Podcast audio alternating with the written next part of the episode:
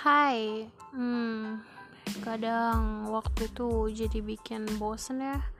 Kayak nggak ngapa-ngapain tuh, apalagi pas pandemi kayak gini Bikin bener-bener kegiatan jadi gabut banget.